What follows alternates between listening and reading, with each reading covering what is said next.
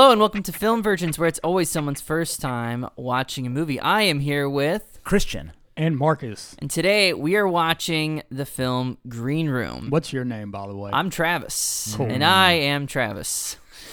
Yeah, today we're watching Green Room, uh, starring Anton Yelchin, who passed away a couple years ago, sadly, tragically. Uh, This is one of his last movies, along with uh, Patrick Stewart, and Maeby Funke is in this.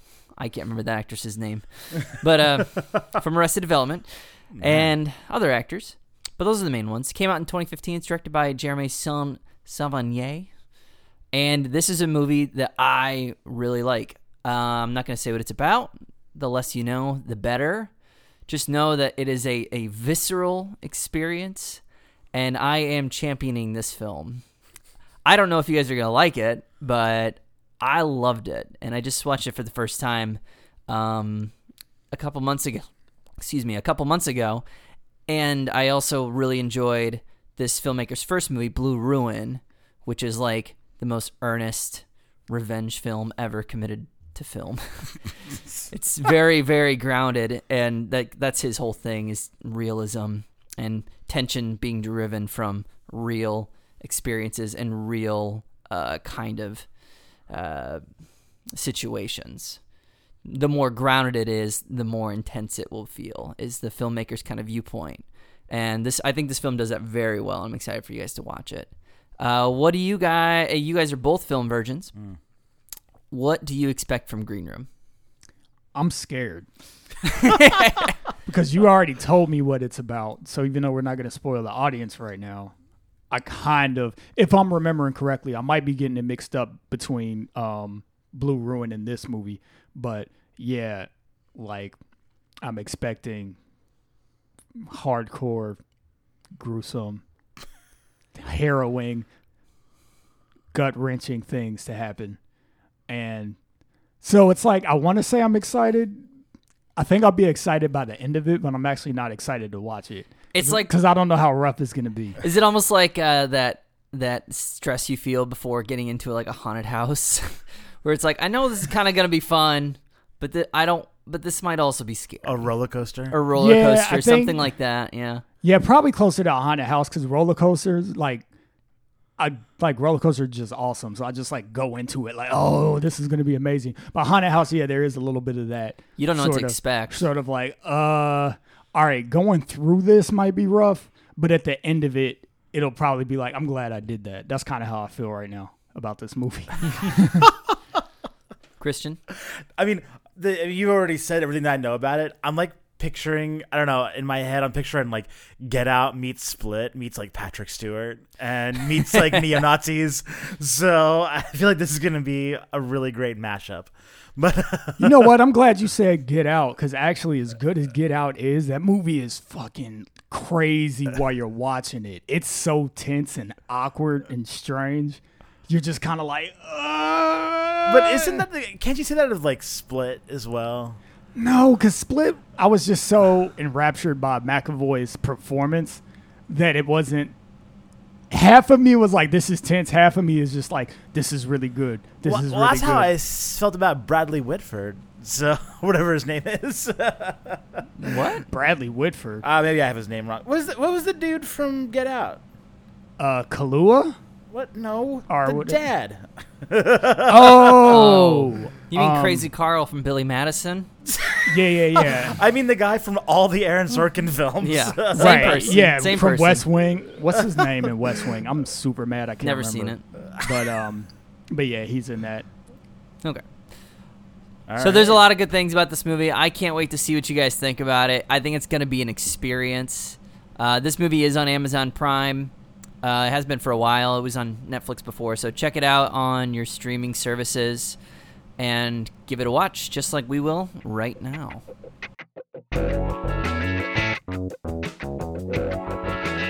And we are back. We just watched Green Room, as I mentioned, 2015, directed by Jeremy Saulnier, and he also wrote it too. He's kind of a writer director combo. This is his second movie, or I guess his third. He has one that I haven't seen, but uh, his second after uh, Blue Ruin, and it came out in 2015. Had a budget of five million, and had a box office box office of 3.8 million, but has been on the streaming services.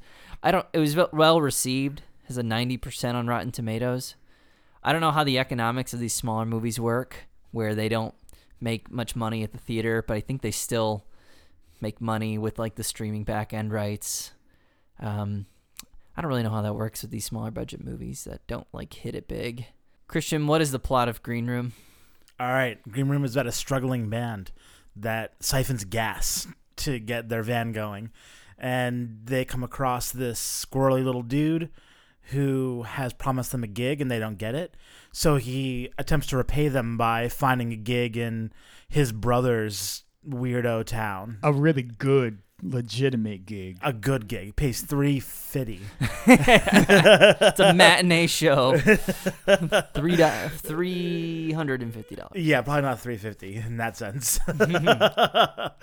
yeah, like a super pretzel. Um so yeah, so they go out to this gig and uh, turns out that the gig is kind of um, in front of some neo-Nazis, but the gig goes pretty well. And anyway, that's that's the movie. Um, as much as I feel comfortable, I, I'll say, I'll say, I'll say this. So then, uh, at the end of the gig, they come across A uh, crime. a crime. Yeah, there was a, yeah, it was a crime, and um, you know, then there's maybe some concern that maybe they will divulge details about the crime, and so yeah, I think that's probably the best I can do spoiler free. Mm-hmm. Fair enough. Fair enough. I don't know if this is a genre that is up your guys' alley, so this is gonna. I think this will be an interesting conversation. Well, I guess. Well, let's define the genre then. What would you call it? It's survivor horror, maybe. Yeah, thriller, Um, survival horror thriller. I never really thought about it as a genre before, but I typically do like movies where a group of people or a person are in like desperate straits, and the whole movie is just following them getting out of them. Um, I tend to like movies like that. Christian, what did you think of Green Room? What were your first impressions? Yeah, so it's horror. That's what this movie is. Yep, it's horror. Uh, you know, I think that there's that line between thriller and horror, and I think that there's a lot of movies that tend to, you know, I, I mentioned earlier Get Out, I mentioned Split, which we've done on the podcast, and I do think that there is a line with both of these movies, and now with the with Green Room, where are we on the horror side of that line or the thriller side of that line?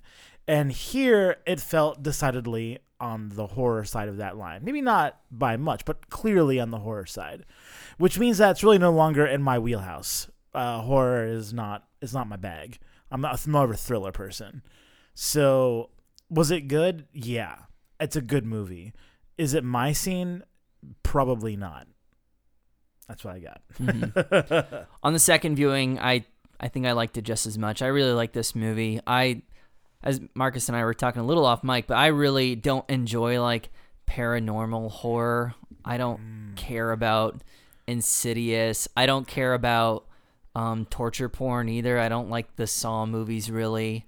Can you can you give me an example of paranormal paranormal horror? Like what's what's the a canonical? So, uh, yeah, canonical would be like your Exorcist, your Mm. um, if you want to call okay. Sixth Sense a horror movie. I know that that kind of toes the line, but things that deal with basically monsters, demons, ghosts, um, like just basically, I guess you could even put aliens in in some of those, um, okay, yeah. in so- in that genre somewhere. But yeah, basically things that um the activity that's happening is paranormal. It's not human born threat. It's like some other mystical or out otherworldly threat. which which dominates the genre, and that's the stuff that most most of the horror movies that come out are within that paranormal subgenre. The, the Ring is that an example? The Yes. ring is a really good example. Okay. Yeah. Mhm. Okay. I haven't seen it. So yeah, I I don't care for those types of movies on the whole. Like I I I like The Exorcist. I like a Halloween,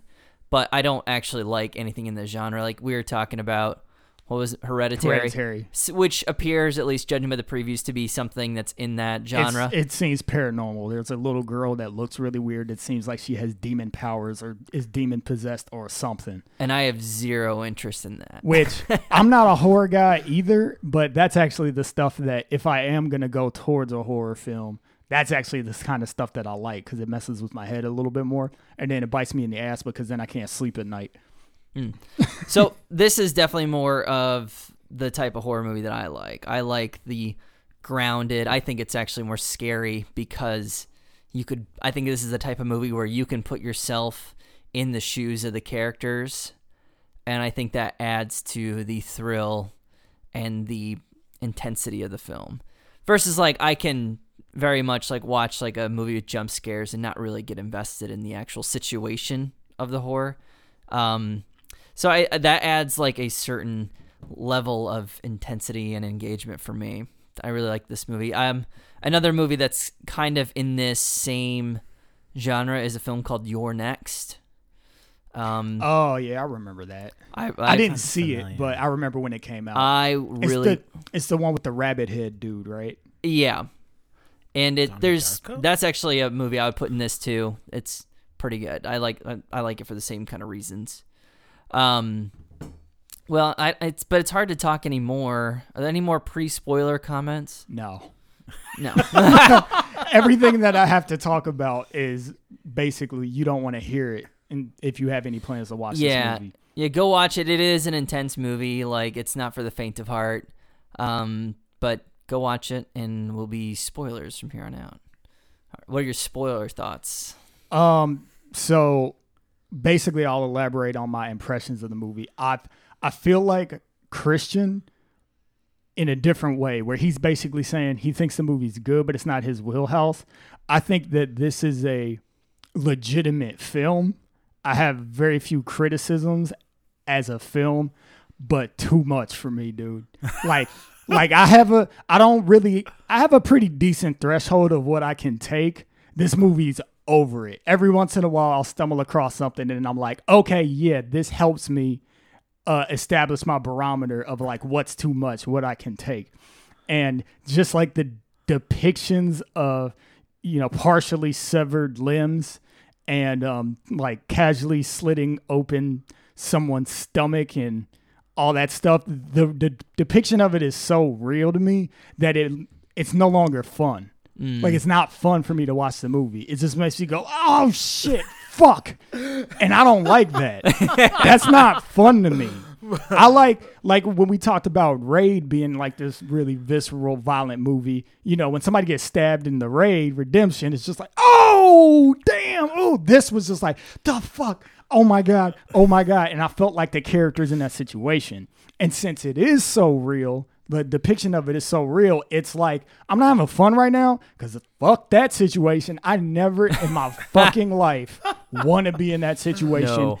ever. Hopeless, just complete hopeless and hopelessness and terror. And the fact that they're just trapped in a room waiting, they're pretty sure they're gonna die.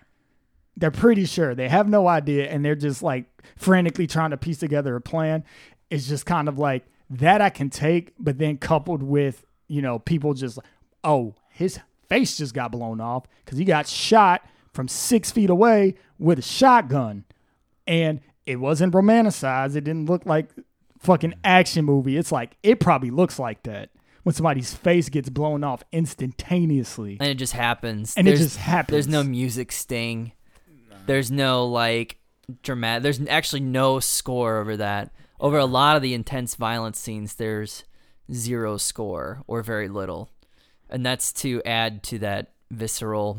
The directors actually talked about it in interviews how it's like an intentional choice to like make Oh, it yeah. seem more realistic. If you add in like a suspenseful stinger as like a knife's going somewhere, then all of a sudden it actually maybe takes you out or makes it feel like a movie. You Yeah. didn't want it to feel like a movie. No. Yeah. for better or for worse, I guess like if that inhibits your enjoyment, then yeah, this is a tough film. And, Yeah. and even in that regard, even the characters themselves, because they're in kind of the stressful situation. So it's like there's a, you know for like one moment they're like, "Oh, Sam, ah, uh, and then they're like, all right, back to surviving. Right. it's Yeah, there's Yeah. no there's no scene where it's like breaking down crying like she wanted to be an architect. You know, it's just like she's dead. Oh, and we have to deal with Yeah. the fact that we might die in a second. So Sam's dead, right. and I'm back to figuring out what my favorite band is. yeah. So the crime scene, the crime scene that we were um, being so elusive about is that they basically witness the aftermath of a murder that had happened, Yeah. and the murder of Emily, Emily. played by Taylor Tunes, the eminent Taylor Tunes, who, by the way, on, according to IMDb, is known for this, for that that acting. Good job, Taylor. Room. Props Yeah. to her. She's alive in what, like 30 seconds of this film? and she Yeah. plays a corpse the rest of the time. you know, but she's known for it. Yeah, she's yeah, known for yeah. it. She has speaking parts, but you don't hear them. Listen, I hope this gave her a good reel, though. You know, look, I can play a great corpse. Yeah, watch as this guy pulls a knife out of my head. Oh my god, dude! I that was real that well. was the other thing that just skeeved me out, man. White people are fucking scary, dude. Yeah. Oh my god. Yeah, dude. Y'all are some scary fucking people. you know, speaking for myself, yes. So anyway, this gig, um, this gig that they go to, um, that they need to get money for because their other one fell through. It's frequented by a lot of neo Nazis. Did we already say this? Did Yeah, say but you can get in more detail. Okay. Yeah. so the guy's basically like, you know, there's neo Nazis and stuff there, which they're kind of used to since this is a like punk band. You Yeah. know, they're just traveling the country It's part of the scene. being punk rock. So th- they kind of deal with the fact they are not sympathizers at all, but they kind of, you know, take it in stride that it's like, yeah, there are going to be Nazis at the show. But, um, They actually change up their set to try and accommodate them. Yeah, well, the first song, the first song, uh, It was a With- cover. it's a cover, but was it extolling? I think so. I don't. I don't know the song now. I can't remember what it was, but I think they just wanted to yell "fuck you" to the audience. Yeah, Like- which seemed like a real bad idea. Which I mean, they say as much Yeah, that it's a bad idea, but I'm like, did, how about you're in the middle of the woods at a gig that you didn't know about until yesterday? uh, how about you don't yell at a bunch of you know people from the Brotherhood or whatever they are? yeah. Like fuck you on their turf. Like be in a city if you're gonna do that. Don't be in the middle of the woods. Like with trailers outside. Like I didn't it was like a compound, dude. I didn't even know which venue was the actual place where they were playing. Cause there were just all these random trailers and buildings like set up in this mm-hmm. clearing. Well, yeah. It, there's there's a little subtext of them like running drugs through here, Right. or not not sub not subtext. It's not subtext. subplot. It's sorry. subplot. Yeah, Sorry. it's pretty explicit. At one point very they say subtle. it's not about when they were in us. the meth lab. Yeah. At one point they explicitly say it's not about us, it's about the heroin yeah. that's downstairs. right. Yeah. But um, yeah. So they you know they play a hard show and they get extra hard for the neo Nazis and they seem to get them on board. Which I didn't understand that. How are you going to have a show where you open up like "fuck you" and then all of a sudden they're Oh, like, they're punk rock anarchists. I think that's that's part of the the give and the take.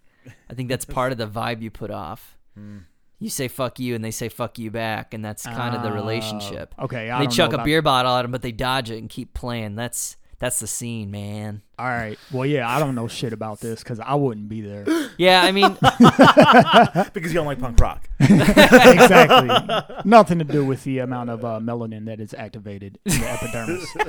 Um, I don't know a ton about that punk scene. I know enough to speak vaguely about it. Misfits and your um, that's about all I know.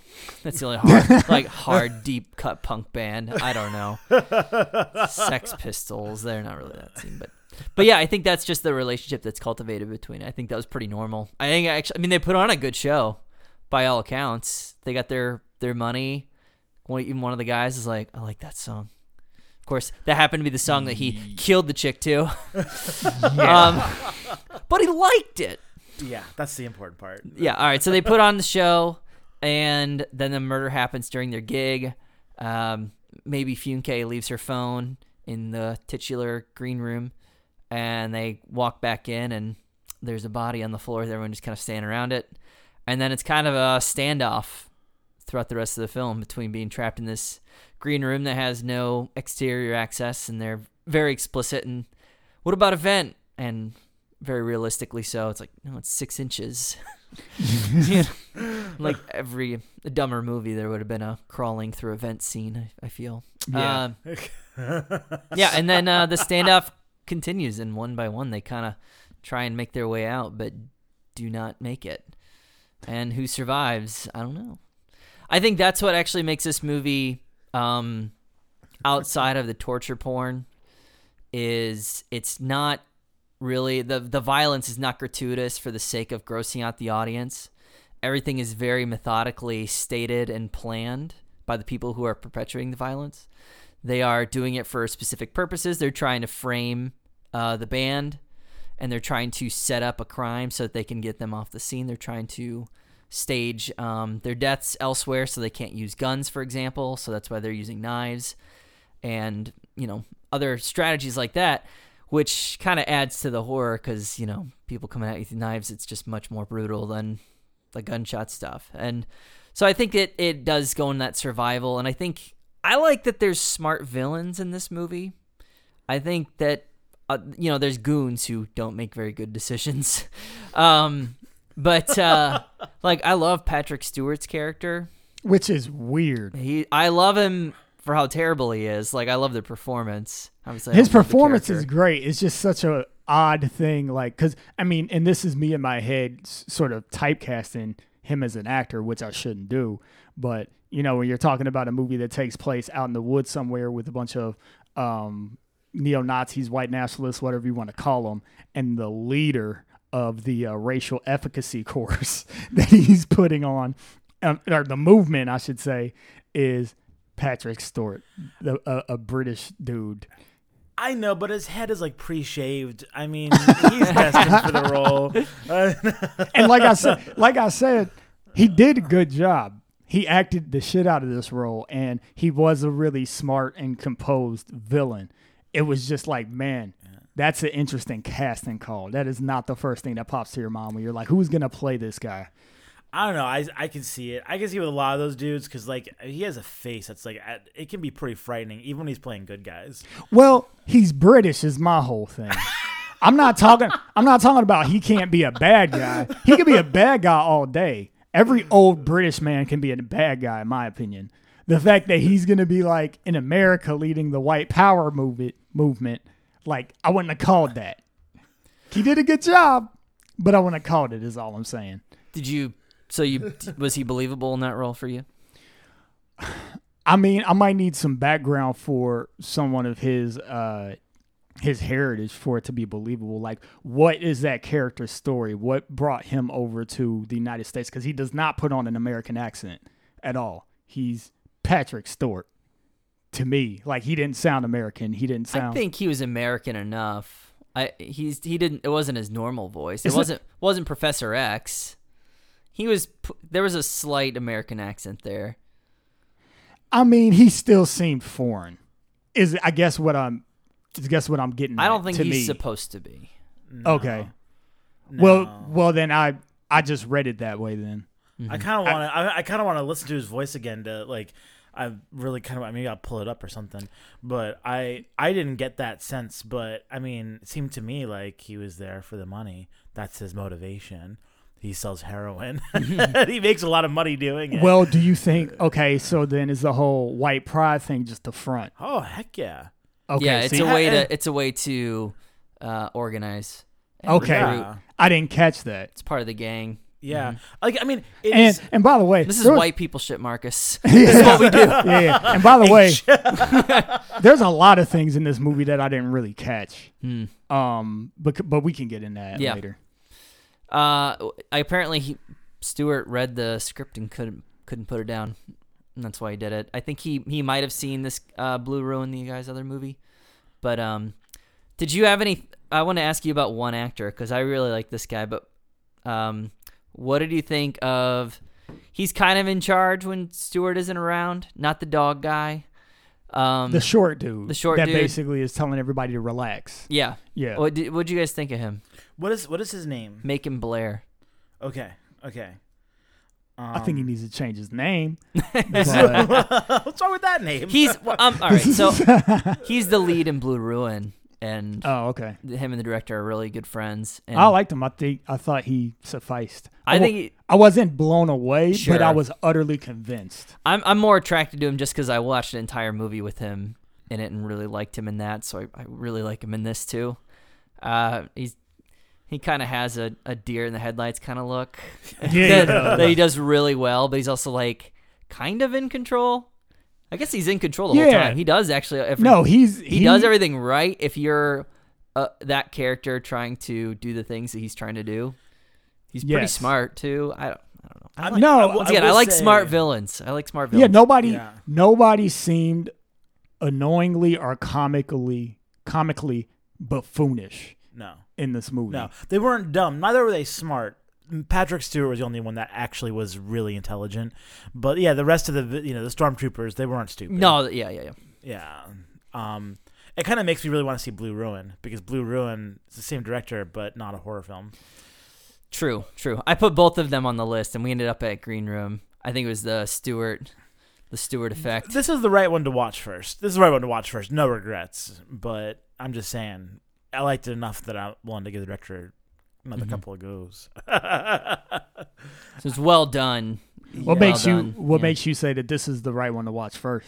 because it has notoriety. I mean, it's you know, I think it's the one to talk about, the one to hear the people about, and I think it's uh, it's probably gonna. I'm you know, I mean, hey. Travis, you tell us, but it seems like this is the one that's going to go down as his canonical work, at least unless his next ones blow this away. Yeah, his next movie is going to is with Netflix, and it's called Hold the Dark. Hold the Dark, which, by the way, is about kids that uh, died and they're suspected to well suspected that they died because of wolves, which apparently is a theme for this yeah, guy. he's, he's got a thing with dogs. dog attacks because my goodness, There's some vicious dog dog, attacks. attacks. in this movie that are, Reminiscent of Game of Thrones. Yeah. and Yeah, somehow that's I, more of I a think direwolf thing, but yeah, Yeah. Oh, it just as brutal, maybe more brutal, because uh, I don't know. We'd have to compare some of the brutal dog scenes of Green Room with the uh, dog scene in uh, Game of Thrones that I won't that's spoil. good watching. We'll make a reel. we'll make a, a dog attack reel. I yeah, I mean, I think this is. I mean, it really is a solid film. It, there's no doubt about that. You know, it's the fact that it's not my genre can't really be helped, but it's definitely solid. Um, I don't know. I, very few, I will say, other than Patrick Stewart, I don't think I was blown away by any single performance in this movie. Um, I, you know, it, Anton was far and away the most popular of the actors in this in the, in the cast than Patrick Stewart, and arguably more popular at least at the time that this came out. And it just, you know, I don't know. His performance was fine. It was great. You know, Everybody did what they needed to do. I think they were all good. Yeah, Yeah. I think I don't know if there's a standout performance. There's no in standout. it. and there, that might just be a product of like really tight writing and good direction. Well, and it's not a character piece. no. It's Nah. it's a situational film, right? It's all about the plot and the action and the violence. Um, is you know this, that's what services the story, not necessarily like a strong character performance. It's all about the situation, and then and the human emotion is very very simple. It's very one note. It's survive, and I almost as somebody knows a teeny bit about like trauma. I do really appreciate that. Yeah, they're not crying and babbling. They're actually just become more disassociative, That's which is um, the- I think the most realistic human response that I've seen in a horror movie. yeah, that rings really true. Just like eventually you're just like winded and you you're motionless even. yeah, it's funny because you kind of see the transformation um, of Anton Yelchin's character from, you know, he's kind of the guy that's like Super suing- empathetic and super, yeah, he's like suing for peace. Yep. He's just like, hey guys, we'll do what you want. We just need to make sure the cops get here. What's going on? And then you kind of see him transform into this. You almost think he's a badass for a second, but that's one thing I like that this movie did do. They didn't make him a badass. He just has these moments where it's like, okay, I got my gun in my hand, and I don't really care anymore because all of this is so fucked up. But mm-hmm. when it comes to action, you still see him as an inexperienced person. You know, he's not all of a sudden firing the gun perfectly. Um, or making ultimatums. He's still surprised. He's still shocked. Like in the last scene where him and um, the girl who was the friend of the other chick that was murdered, you know, they approach Patrick Stewart and like the dog guy, and um, you know, he's he's like, yeah, we got to do this, and then she like shoots one of them, and he's like, "Uh, we're shooting, and, she, and she's like, why did we walk up here? right. He's like, I don't know, we're gonna mess up the crime scene. it's like, She, yeah, I like that line though. No, I thought we'd leave a new one yeah, yeah, yeah, yeah. before she shoots the other guy. We leave a new one. That's and Mo and Imogen Poots is that actress's name. I think she does a good job. And, That's never knew that. and Imogen Poots. I, hmm. I thought I liked her character. I liked her She's the only one who, between that and the uh, the drummer who can do some judo, which they Jiu-jitsu. kind of they sets up they set up a bit with at least a line of dialogue. Yeah, Um, but uh, I thought she was good too. I yeah, I like. I her like how she kind of knows at least knows what she's into and knows how fucked they are. Yeah, I mean she's a she's a frequenter of that venue, Yep. so you know she kind of knows what the deal is. I was a little bit that Stephen King vibe where they'll like get you to like someone and then kill them off like almost immediately. Like you have at one point there's a turncoat uh, neo-Nazi that comes in basically is like, oh man, like no, I'm like, yeah, I'll help you guys escape, and he's dead within like what. 80 seconds. Yeah, I mean, Yeah. It's less than a minute and a half. It's Gone. less than a minute and a half. He's- like, he's the one that's who who I was that shotgun to referring. Exactly. Yeah. Yeah. that's who I was referring to. Yeah. I- Jesus Christ. I mean, you know, the other one lasts a little bit longer, but yeah, it's just like get you to like someone, then bam. Although you know that promoter dude, the uh, the radio, the DJ slash promoter guy from the beginning, Yeah. the, the neo-Nazi's brother survives apparently. He's like vacuuming when he He's- last see him. He's got people coming over. Yeah. Well, he never went to that crazy town. yeah. Well, that's what. Yeah, but he was. I think he was next in line. I think I think they. I think the that was implication mentioned. is Yeah, that they were is gonna- that Imogen and Anton saved him uh, by Yes. killing because Yes. he was the last you Loose know, end, yeah, pretty much. Yep, there's Yeah, a whole list end, of. yeah. They make a list of people who know about Yeah, it, yeah, and yeah. just to help control the situation, Yeah, because he's the last one. because because nobody knows where they are because they're a real punk band with no social media, bro. They're off the grid, which is a little cheesy, but it does at least give a little.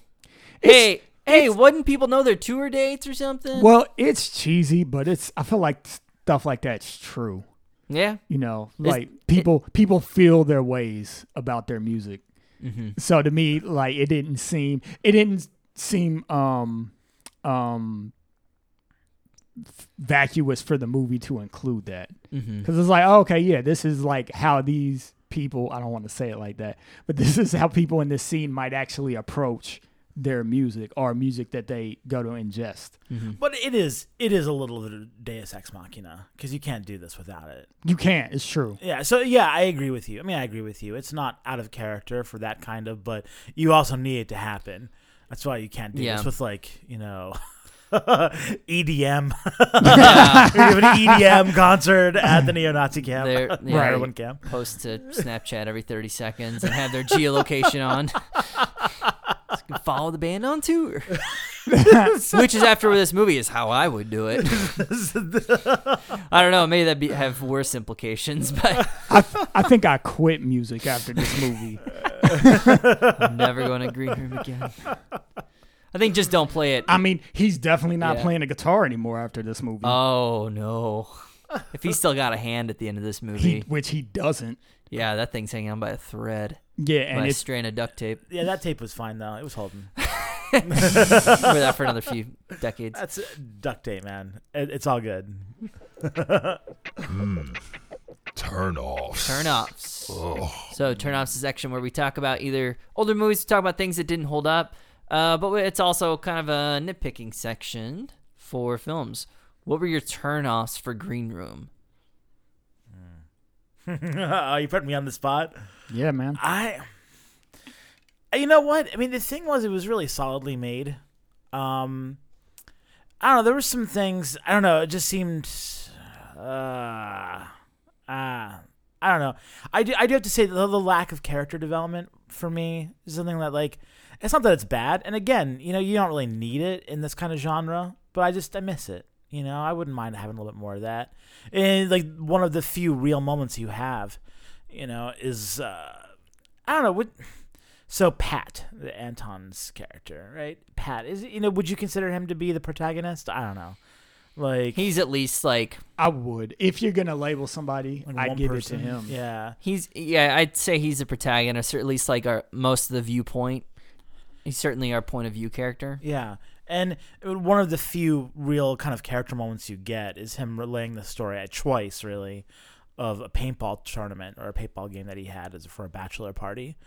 And you know, but I kind of liked it. I thought that was good. I kind of wish there was a little bit more of it, but you know, it's an hour and a half, right? So it's gonna take away from like you know hand dangling or stomach slitting if you you know include more character moments. I don't want to deprive it of that because it is, after all, a horror movie. But I, I don't know. I missed it. I wish I had more. I mean, I, I want more character development. So basically, I'm saying I wish it turned into this like into a Hallmark drama. But well, a, you know what? It's a pretty lean movie. Maybe like a, a two-hour, five-minute version of this movie you would like better. Hmm. you know that is interesting. Maybe is that what Get Out is? I don't know. Get Out's Well- pretty brief too, I think. isn't it? Yeah, Yeah. But, but but Get But Get- Out Get it dives into those characters. Get I Out like spends a lot less time in the action Yes. and in the confrontation. Right. The whole movie is about the setup. This movie Right. is about the confrontation and the actual survival. I mean, the setup happens within what twenty minutes of a ninety-minute movie. So you're right. You're right. I mean, you're totally right. Mhm. Those those two things are kind of inverted. Yeah. The This- last the last yeah. 15 minutes of Get Out is action and violence and The- escape. yeah, it's when it all comes to a head that Yeah. all of the horror Versus element. The, yeah, versus the into play. 15 minutes of this movie that it has just setting up, I and mean- then the the remaining 70 minutes is violence and escape. I mean, it is. It's hard. That's why the turnoff section for me with this movie is really insane to ask me because I the whole thing is a turnoff. I don't like the genre, right? it's like, well, what what do you want from me to say? Like, well, I wish that the guy was trying to escape from prison, had a plucky friend named Red. Like, which is a Shawshank Redemption. It's like the whole thing is a turnoff because it didn't have those any of those elements. But you know, it's not the genre that I want. No Morgan Freeman. No Morgan Freeman. This is a score essentially non-existent. actually, you know what? I'm actually especially calm that as a turn off. The score was non-existent, and I agree with Travis. Like, I don't want score in those spots, but like during the other moments, I would not mind if there was a good score. This had very little. Some ethereal synth moments. Oh yeah, they found some sound that they liked on their, you know, mini moog and just press and hold. I was intensely bored by the soundtrack. I mean, if you made me listen to the soundtrack, I'd be upset. what about Nazi punks? Nazi punks! Fuck off! Nazi punks! I Nazi mean, punks! that's a great. I mean, that's, that's an instant classic. But Um, my turnoffs. Uh, so I have a few kind of small dumb ones, and then one larger one.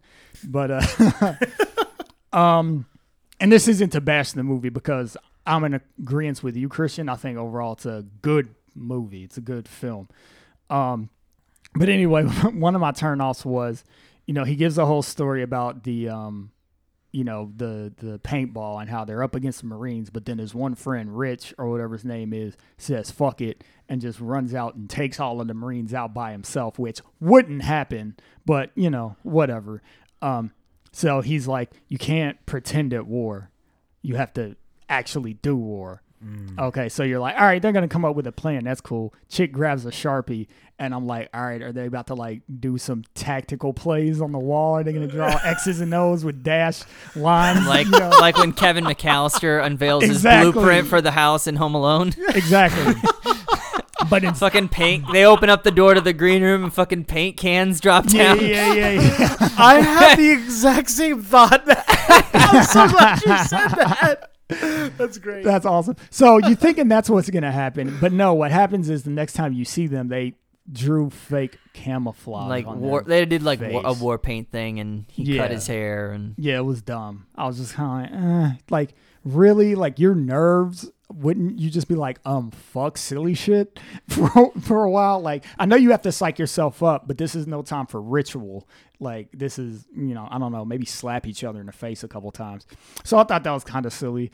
Um, another one, which is half, only half serious, is so Anton Yelchin, he almost gets his fucking hand cut off because at some point, you know, his hand's outside of a door because he agrees to hand over a gun that they're asking for. But then some red laced killers, I don't really know why they have red laces, they just start going to town on his arm. You don't see it happening, but he's screaming bloody murder. He pulls his arm back, and it's just grossly lacerated. It- it is fucked up. Like that was the first moment where I was just like, all right, this is too much. Like I don't like this. I don't like this. I kept watching, but I didn't like it. Um, I mean, you But had anyway. already psyched yourself up. We talked about that in the pre-conversation. Yeah, and I'm pretty sure I was like, "What the fuck?" or something like that, which I don't usually do in the movies.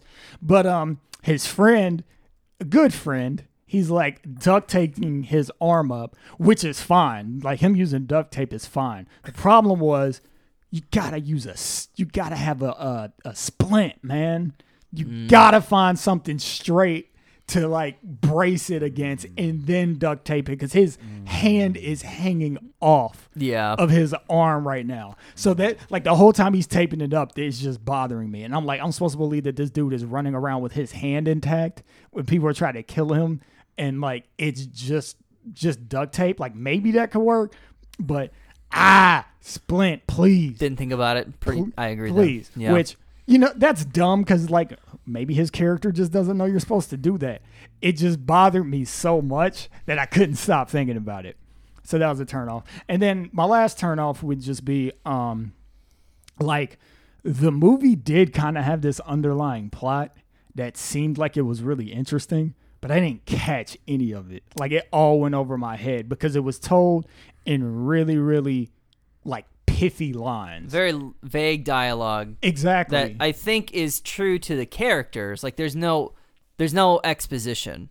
Which is they have little these conversations because the characters know what they're talking about and we don't really know necessarily until we're just shown little images later the, Right. expedition, the exposition is done visually and you kind of have to do the brain work of connecting those final images particularly in the last few minutes of the movie with conversations they had 30 minutes ago right. in the film. and i'm sure i like missed 80% of it because i kind of only vaguely know why the chick was murdered in the beginning and and like what this group really is. I didn't even catch the whole thing that um, patrick stewart's character probably wasn't even a quote unquote true believer that he was just using this as a big front so there were a lot of things that i felt like probably made the movie more interesting or than I probably walk away with, but I didn't get it. And then you have the problem of a lot of movies. I don't know whose fault this is, but you just have those movies where there's action, it's really loud,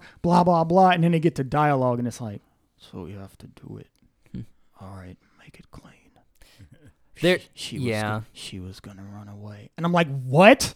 I, I don't, I can't hear you. I don't know what you're talking about.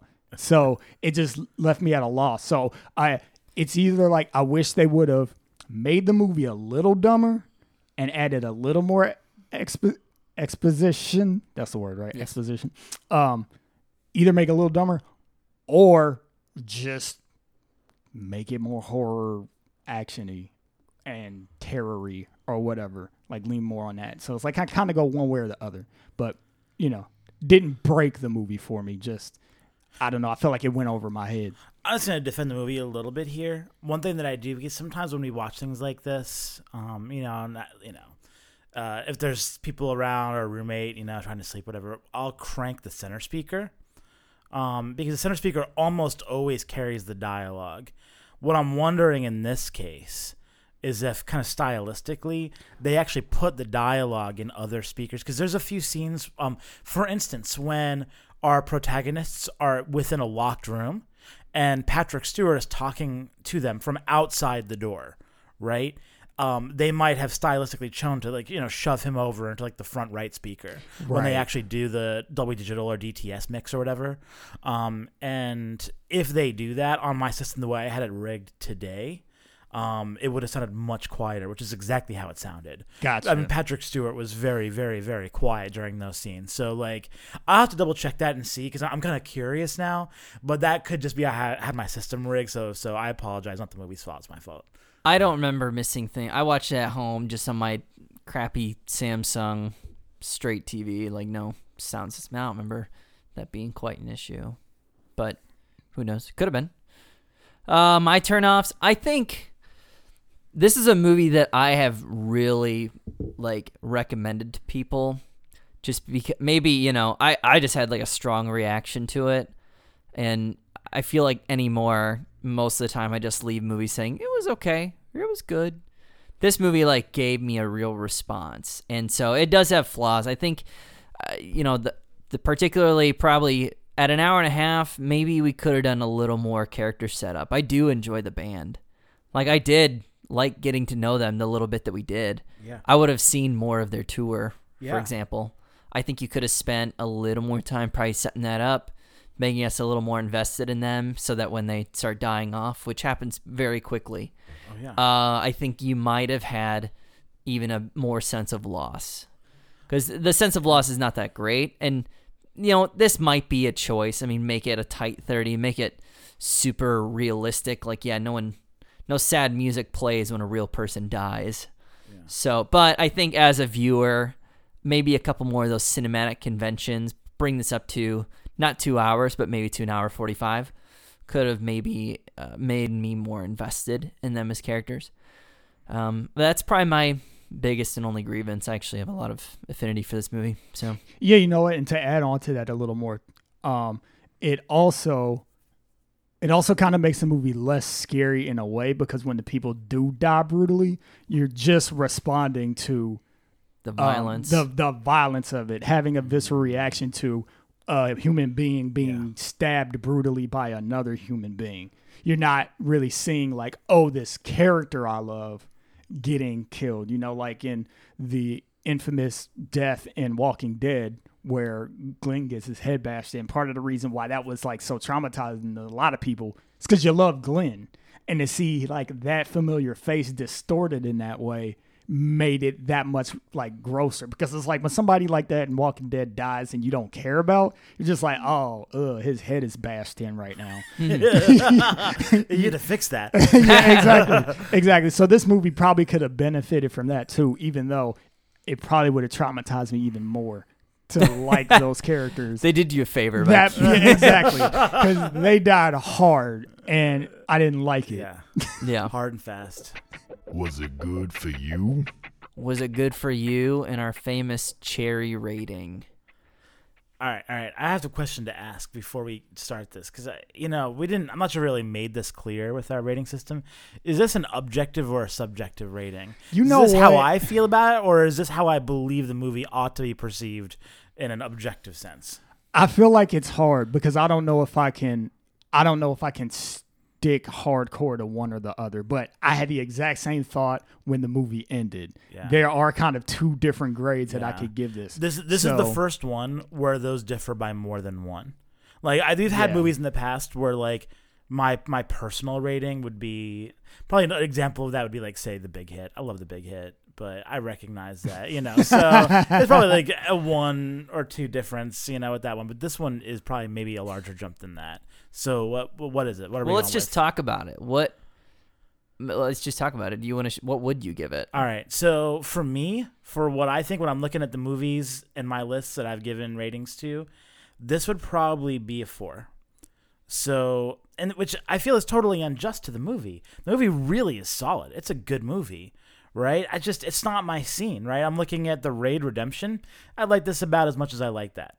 Um, you know, I gave a four to King of Kong. That's probably about right. You know, in fact, I probably like the King Kong a little bit more. But you know, I'm looking at the fives, and there's some of these fives that I really like a lot more. I like Maverick. I'm sorry to say, I like Maverick a lot more than I like this movie. but if you were giving it like, okay, my objective versus subjective, what would you give it? Seven. You Give it a seven. Yeah.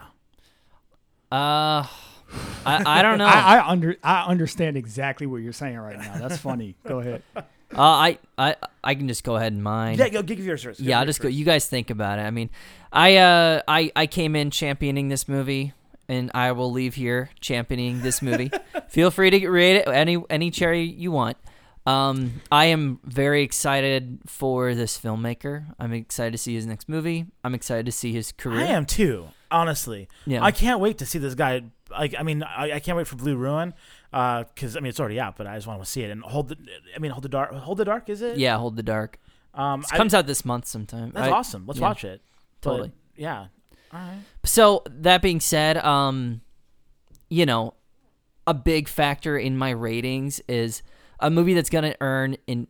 Even though I like this movie a lot, a movie that's gonna earn an eight is gonna be heavily rewatchable. And I love this movie, and I will recommend it to people. But it's it's hard to rewatch. It's just a you got to be in for it. It's an intense film, and you know that's that's tough to rewatch, right? So I mean, Schindler's List. it ain't one you just pop on in the afternoon, right? Gonna get some work done. Yeah, just play it in the background while I'm eating dinner. You know, Dude, yeah, that's what sociopaths do. yeah. Fuck no. So, uh, but I do, but because I recommend it, and I do think there are a lot of people I think would enjoy this movie and should watch it once. Um, that's why I give it a seven. Um, it's a w- really well made Yeah. film, and I do enjoy it. And I can't. I love the filmmaker. I like the. perf- I like the actors, and um, I'm excited to see what the guy does next. And yeah, so seven. I'd recommend it to. Whew, you got to be. I mean, you got to be in for that type of a haunted house experience where it's not spooky ghouls and it's not jump scares. It's intense, brutal violence. It is going to make you cringe, but I do think it does tell a um a story with a lot of catharsis. And there's a there's a good release in the end. It is not a nihilistic film. And I think if you're in for that, if you're willing to put yourself through some some pain, so to speak, in order to get a reward, I think that you will enjoy this movie. But not for the faint of heart.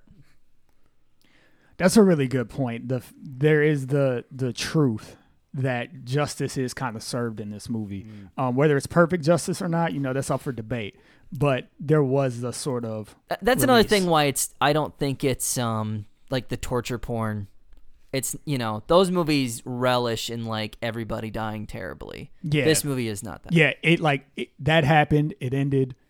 Deal with it. Yeah, this movie doesn't. This movie actually has a, a has pretty strong closure, um, in a favorable, um, direction.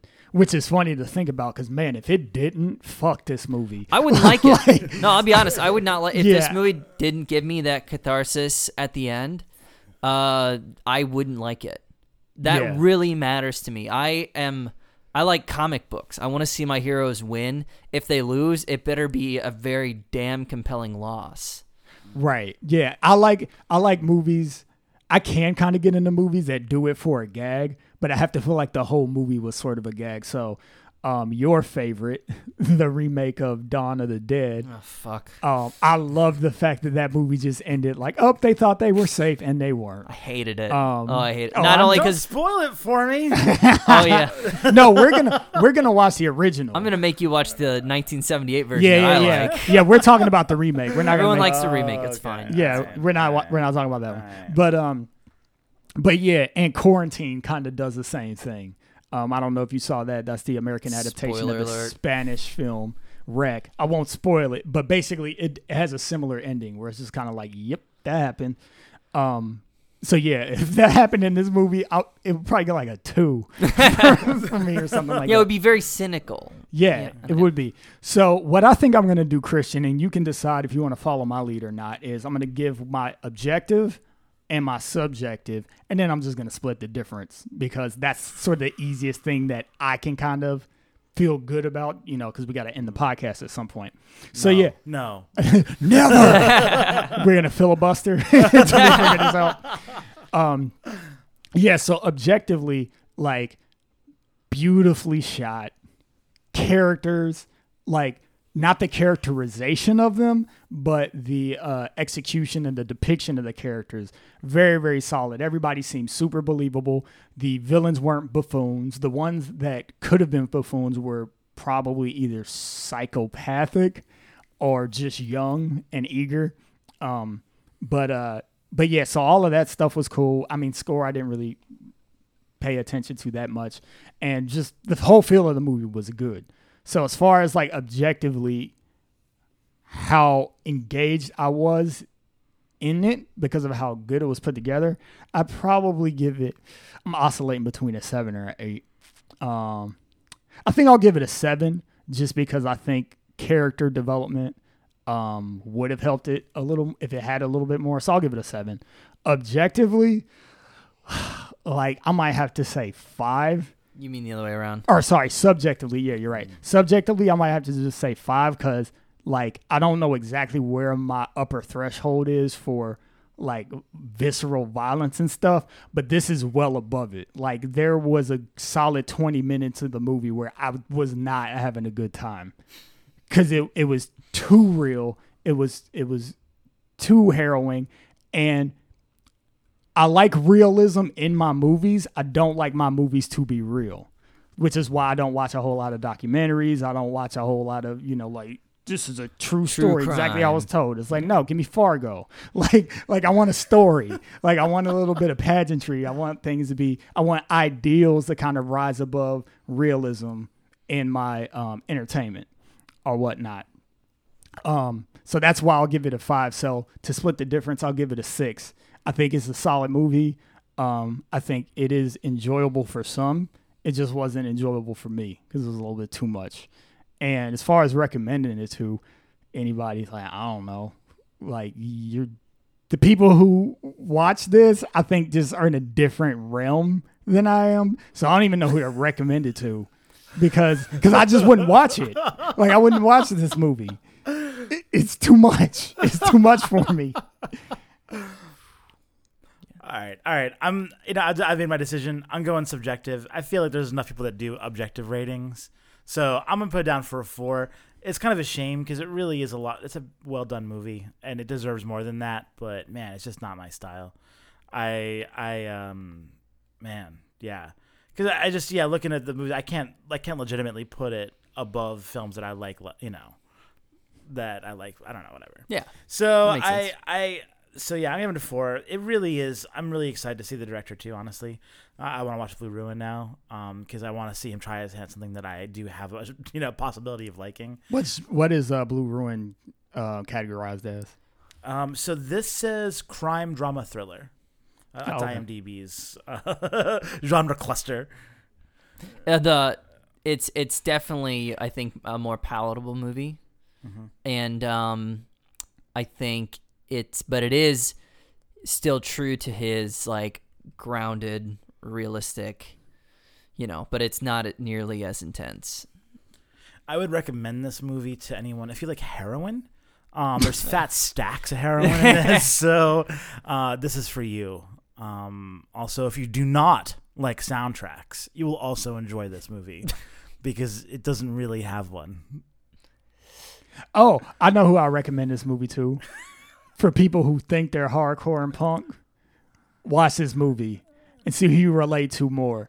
The the the band that is hardcore and punk or the dudes that are a part of the movement. And we'll see how hardcore you are. It's a litmus test. Yeah. Time for a quickie. Quickies. All right, so I've been watching Hand of God. It's an Amazon exclusive. I found out this morning from Travis that it's been canceled after two seasons. Sorry. So Bring the news. He's like, I got my quickie. It's hand of God. I was like, I think that got canceled. Was that- it good? Maybe that just put me in a bad mood, which is why I scored Green Room through low. But I don't know. but here we are, and you know it's all right. I'm not entirely upset that it got canceled as of now. We'll see. I'll watch some more of it. It's it's got potential, but so far I don't know. It kind of feels like middle of the road online streaming TV show material. I don't know. Not not bad, not objectionable, not specifically you know broadcast TV crap.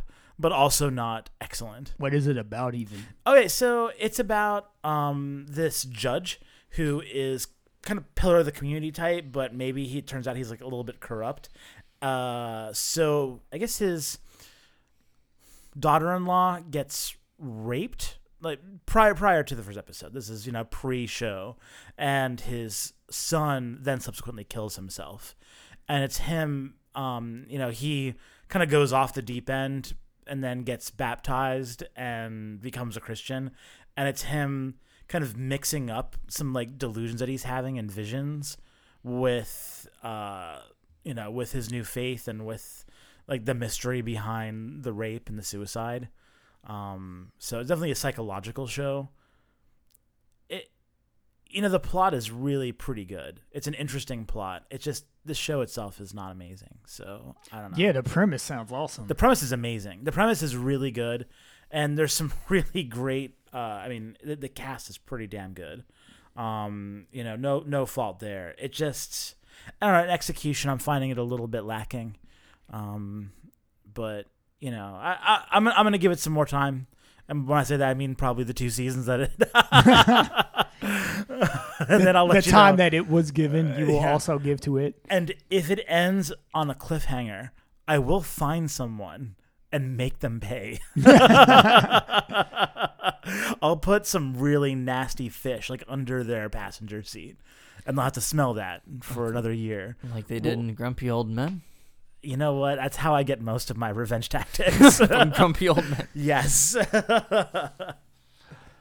Uh, yeah. So I've actually been listening to.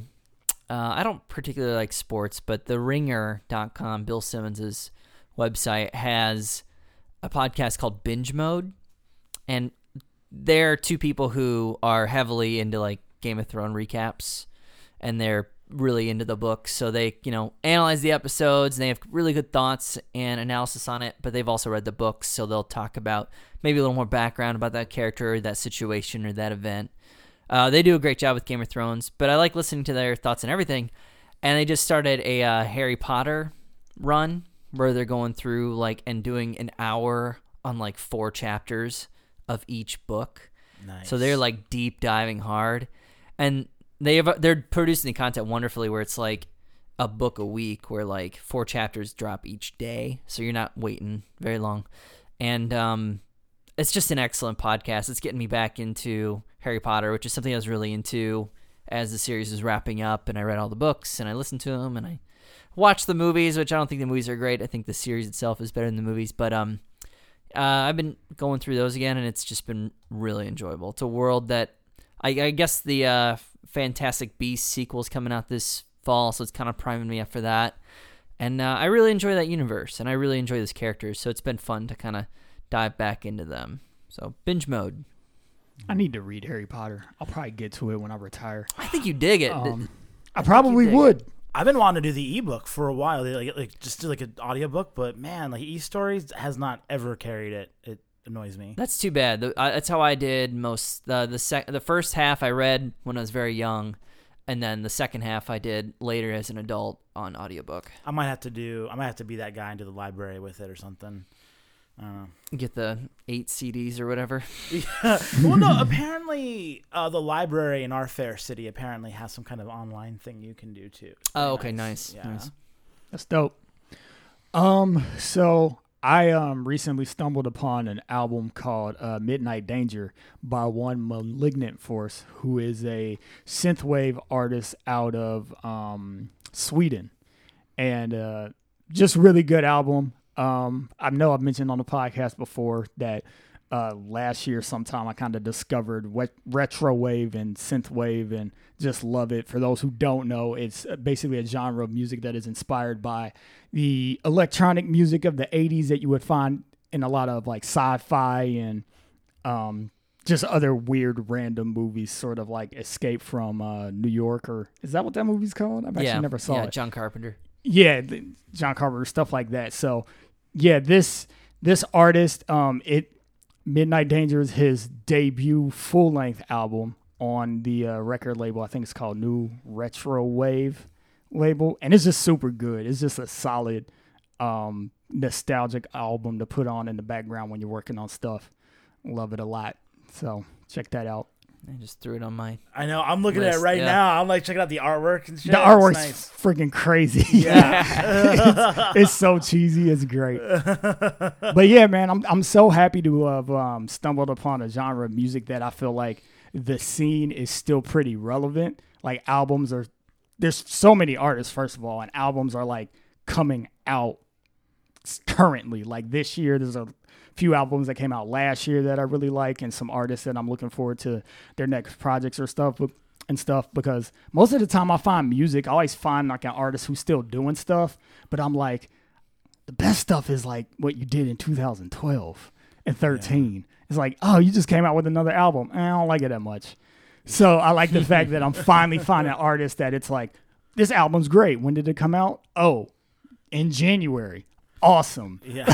like it's still kind of current. So I don't know why I have that weird thing about music, but I do. Like I hate not being current, even though I'm never current.